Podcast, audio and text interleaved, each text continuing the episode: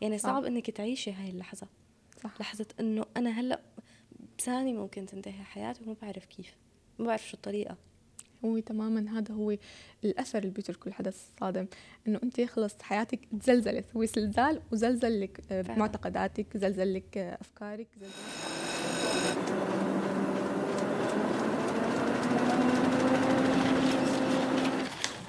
عنب بلدي بودكاست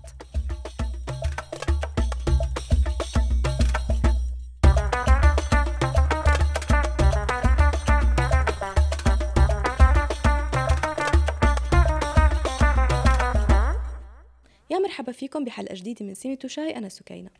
العالم كله تأثر بالزلزال اللي صار بتركيا وسوريا من أكثر من شهرين. كل الناس عاشت هذا الحدث وحاولوا يساعدوا بأي شيء بيقدروا عليه. في ناجين قدروا يطلعوا من تحت الركام وينفذوا من هالمصيبة. بس ضل هالحدث مرافقهم طول حياتهم بكل تفاصيله.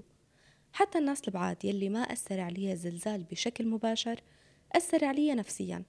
ولهلأ في أشخاص ما بيناموا من الخوف. كيف منتعامل مع مخاوفنا هي وكيف منساعد الناجين يتعافوا من الأثر النفسي للكارثة للإجابة على هاي الأسئلة وأسئلة تانية معنا الاستشارية النفسية نور محمد. أهلا وسهلا فيك نور. أهلا فيك كيف الصحة؟ الحمد لله تمام. كيف الحمد لله.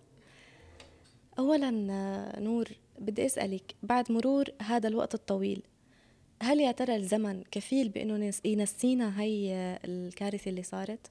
أو يداوي الجرح اللي صار فينا؟ بالبداية سكينة أنا بحب أترحم على الشهداء اللي توفوا جراء الزلزال وقدم التعازي لأهاليهم. بصراحة شهرين ممكن تكون هي كمدة زمنية مدة طويلة ولكن هي أكيد غير كافية لحتى يتجاوزوا هن هي الأزمة. آه مع الأسف هلأ آه يعني بلشت الجهات والمؤسسات المسؤولة عن الإغاثة والفرق التطوعية تتراجع شوي شوي عن الساحة. فبالتالي هلأ صار في عنا الناس صحوا على حالهم. حسوا هلأ بوقع الأزمة أكثر صح.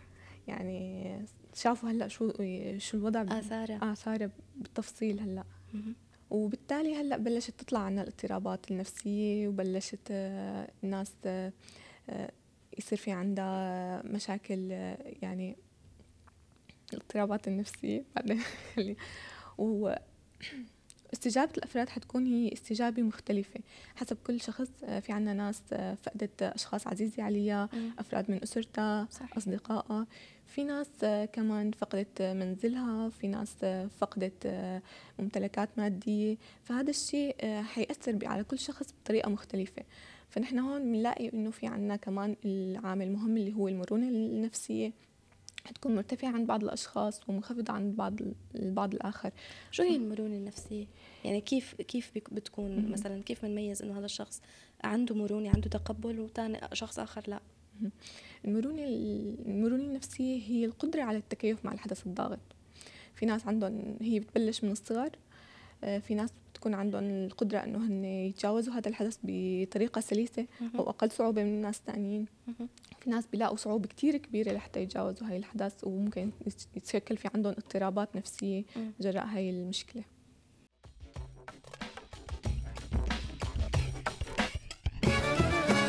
حتى في دراسات أثبتت أنه حتى بعد خمسين سنة من الصدمات النفسية المتعلقة بالزلزال بضل في إلى أثر نفسي وعقلي على الناجين من الزلزال. هلا هذا مو بس للزلزال يمكن كمان لكتير حوادث تانية. يعني كانت كوارث طبيعية أو يمكن حروب أو أو حادث. هو هو الفكرة إنه حدث كبير آه، سبب ضرر لمجموعة كبيرة من الناس. تماما. صحيح؟ تماما.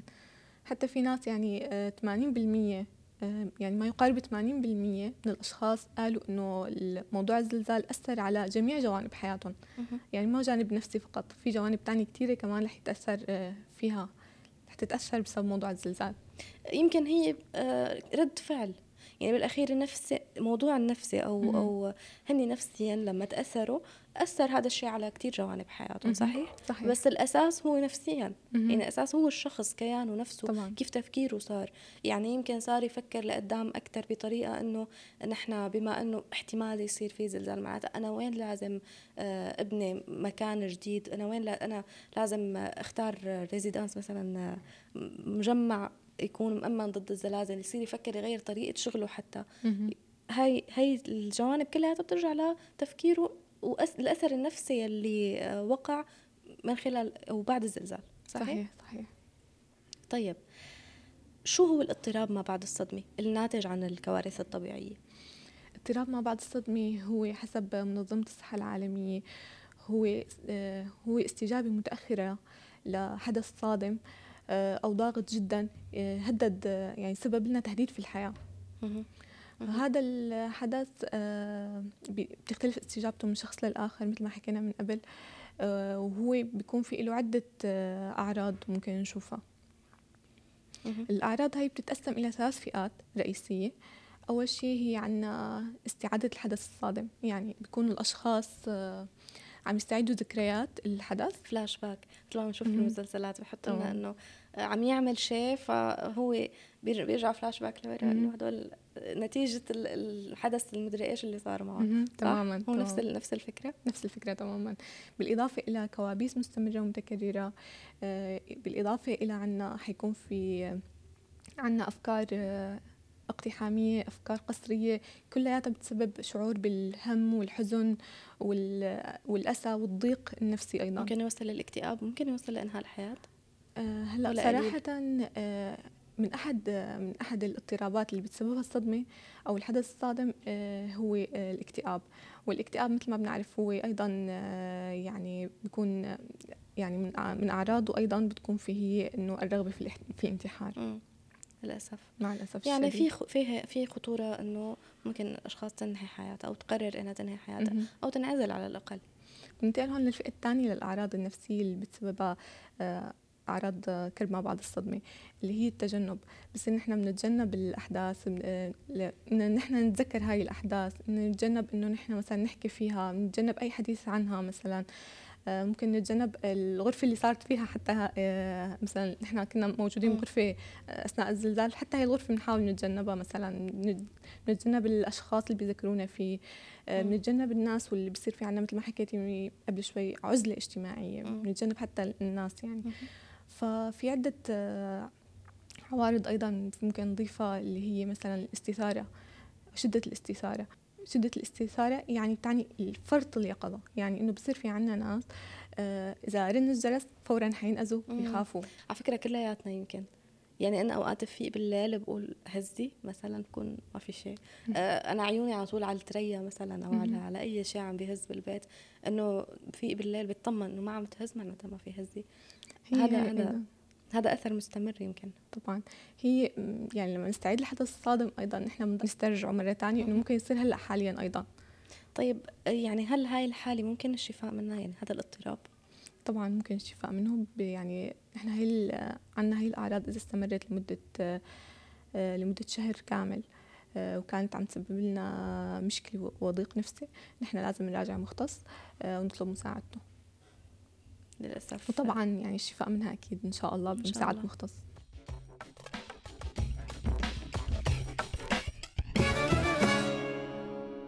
هلا مهم جدا للناجين من ال... من هي الكارثة ومن الزلزال إنه هن يعطوا نفسهم الفرصة إنه هن آه، يحسوا بهي المشاعر اللي هن حاسين فيها يعبروا عنها آه، يحكوا ما يتجنبوها يعني. ما يتجنبوها. في ناس بيقولوا لا لازم إلها حالة بشيء لازم أطلع أنا اسهر آخذ بريك من شغلي مع رفقاتي مع كذا.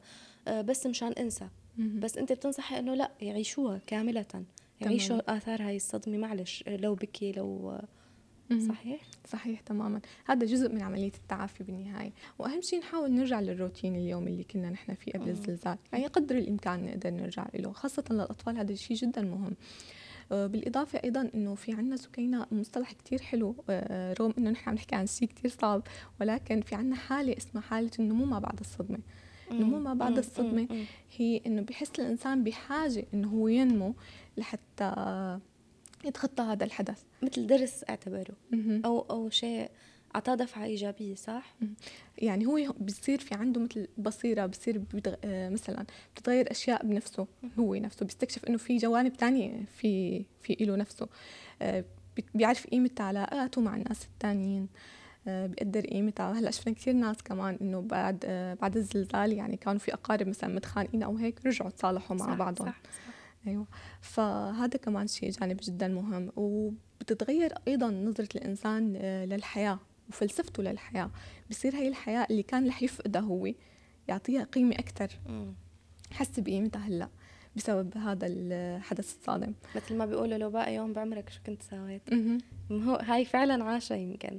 إنه أنا الله أعطاني عمر جديد فبدي أحاول أعمل كل شيء بقدر عليه آه، لحتى يعني ما إذا لا سمح الله انتهت حياتي بلحظه ما ما أكون مقصر على حالي بشيء. أيوة. تماما صح. تماما حتى في ناس بيكونوا مهملين الجانب الروحاني قبل الزلزال وما كانوا عاطينه أي أهمية. هلأ بنلاحظ بعد الزلزال صاروا يهتموا أكثر بالجانب الروحاني والديني وبهي الممارسات. صح, صح. في كثير ناس التزموا بعد الزلزال.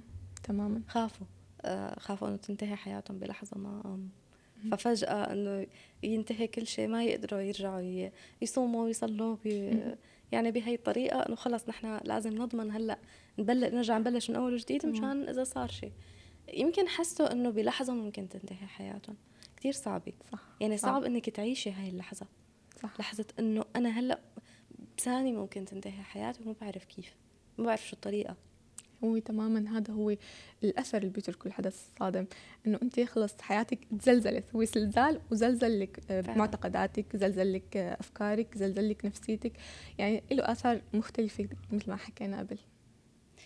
آه طيب في كتير ناس من الناجين آه كانوا أصلا أو حتى خارج مناطق الزلزال آه خارج مناطق الكارثه عندهم شعور بالذنب تجاه الناس يلي تضررت يعني حابين يعملوا أي شيء ليحسوا إنه ساهموا.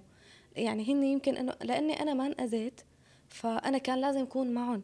أنا كان لازم أكون بهذا المكان. كان لازم انأذى يمكن. ليش هني مو أنا؟ فكيف بدنا نتخلص من هذا الشعور؟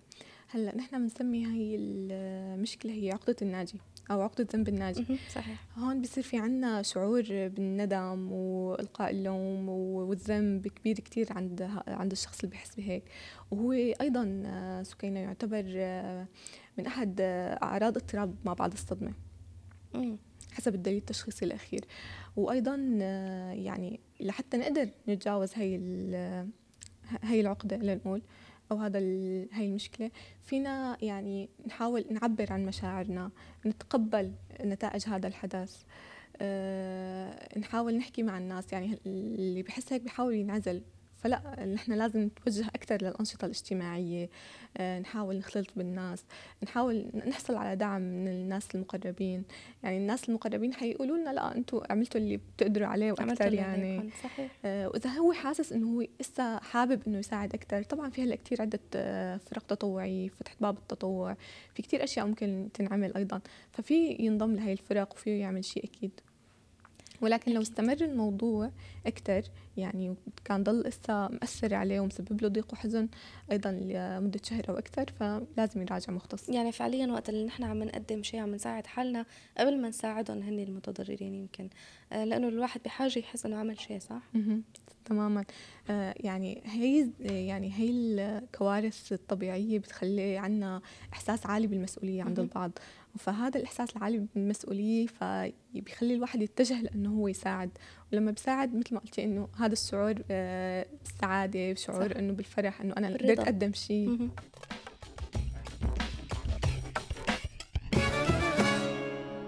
بدنا نحكي على عدة طرق آه، بتنصحينا فيها للتعافي النفسي بعد هاي الكوارث. وبتركيا وين في مراكز مختصة بهذا الشيء؟ هلأ نحن حكينا إنه يحاول نحن حكينا إنه الضحايا تحاول قدر الإمكان إنه هي تكون ضمن وسط داعم آه، تكون هي قدرانة إنه تحكي و... وتنسمع آه، خاصة ونحترم نحن مشاعرها شو من كانت آه، ومخاوفها هي نحن نقدرها ونحترمها أيضا. هذا ضروري جدا. نحن كمجتمع فينا أيضا يعني الناس اللي تضررت أعمالهم و ومشاغلهم بسبب الزلزال. نحن نحاول كمجتمع ندعمهم آه، نوفر لهم فرص عمل آه، نوفر لهم مسكن. آه، هاي القصص كلها بتساعد وبتدعم أيضا إنه إنه الناجين يكونوا يستمروا في حياتهم. خاصة اللي فقدوا ناس غالين عليهم يعني هذا لسه أصعب وأصعب. يعني بعد ما تعود على أو هو متعود على شخص وجود شخص بحياته فجأة فقده وفقد كل شيء معه. فهذا اليأس اللي بحس فيه الإنسان بهي اللحظة آه، يمكن ما بعرف أنا أنا الله يحطنا بهذا الموقف لأنه يعني ما بعرف كيف ممكن الإنسان يكمل حياته أنا هلأ بسأل حالي كيف ممكن الإنسان يكمل حياته بعد ما يفقد شخص غالي عليه لا سمح الله وتعود على وجوده بحياته. ففجأة يخسر ويخسر كل شيء. كيف؟ من الصفر من من من ولا شيء بده يرجع يبلش. هلا بالتأكيد هو شعور كتير صعب. ولكن نحن بتبقى نظرة الشخص اللي بقى خارج المشكلة بتختلف نظرته عن الشخص اللي داخل المشكلة. اللي داخل المشكلة هو ما بيفكر بنفس الطريقة فينا نقول. آه هلأ نحن يعني بيكون عنده نوع من القبول أكثر أو الواقعية أكثر هلأ هي هي حتكون صدمة أكيد بالتأكيد. فلنوصل لمرحلة القبول هذا نقطع شوط كتير كبير مرحلة التعافي.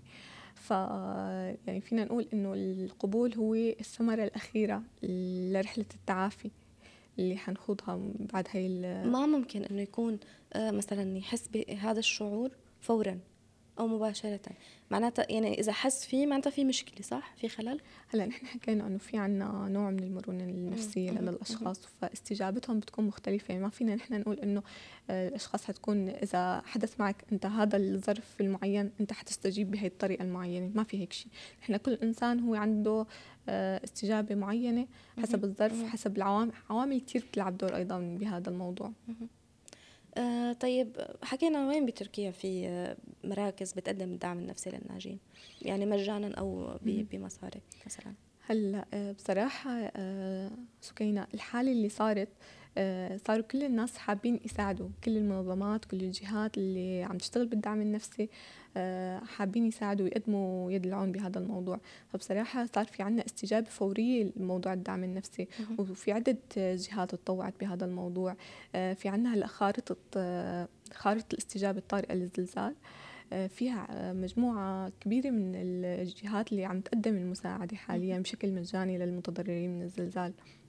نذكر منهم جمعية سمح هي جمعية السورية للصحة النفسية أيضا